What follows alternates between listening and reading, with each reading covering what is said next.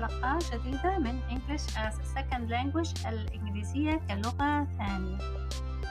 اليوم الحلقة كيف أستخدم عبارات للتعبير عن الرأي؟ أظن I think I think I think. في رأيي in my opinion in my opinion in my opinion بالنسبة لي as for me as for me as for me أظن I think I think I think رأي opinion opinion opinion رأيي my opinion my opinion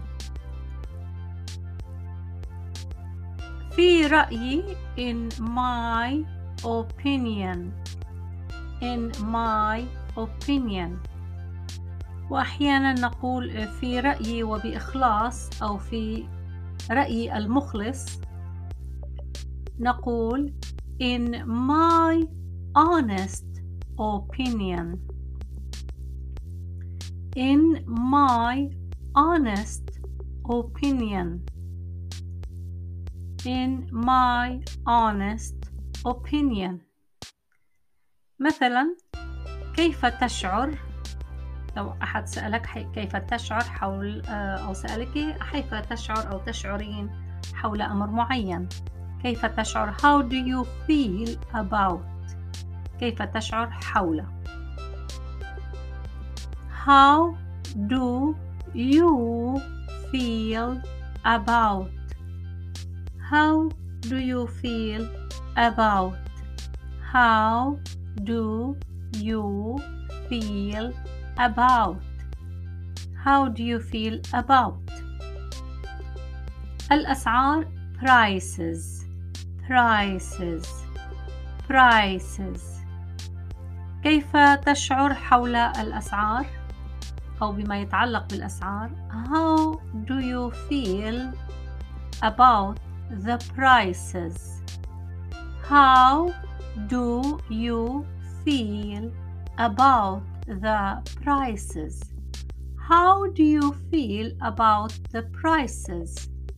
How do you feel about the prices? في هذا المحل in this store in this store in this store الجملة كاملة كيف تشعر حول الأسعار في هذا المحل How do you feel about the prices in this store? How do you feel about the prices in this store? أظن أنها غالية. I think it is برايسي لاحظوا استخدمت كلمة pricey وهي كلمة جديدة pricey pricey يعني سعر غالي. pricey كلمة مثل كلمة expensive pricey أو expensive. expensive. expensive.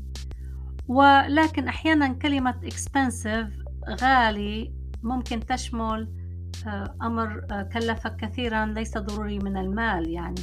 ولكن كلمة برايسي تتعلق فعلا بالسعر برقم السعر بالثمن. لأن كلمة برايس ثمن وبرايسي غالي في الثمن. فممكن أن نقول برايسي أو expensive. كيف تشعر حول الأسعار في هذا المحل؟ I think the prices are pricey. Or هذا المحل غالي. This place or this store is pricey. Pricey. أرجو أن تكونوا قد استفدتم من هذه الحلقة وهي جزء أول من الحلقتين عن كيف نعبر عن رأينا. فانتظروا الجزء الثاني لتكملة الدرس. شكرا جزيلا.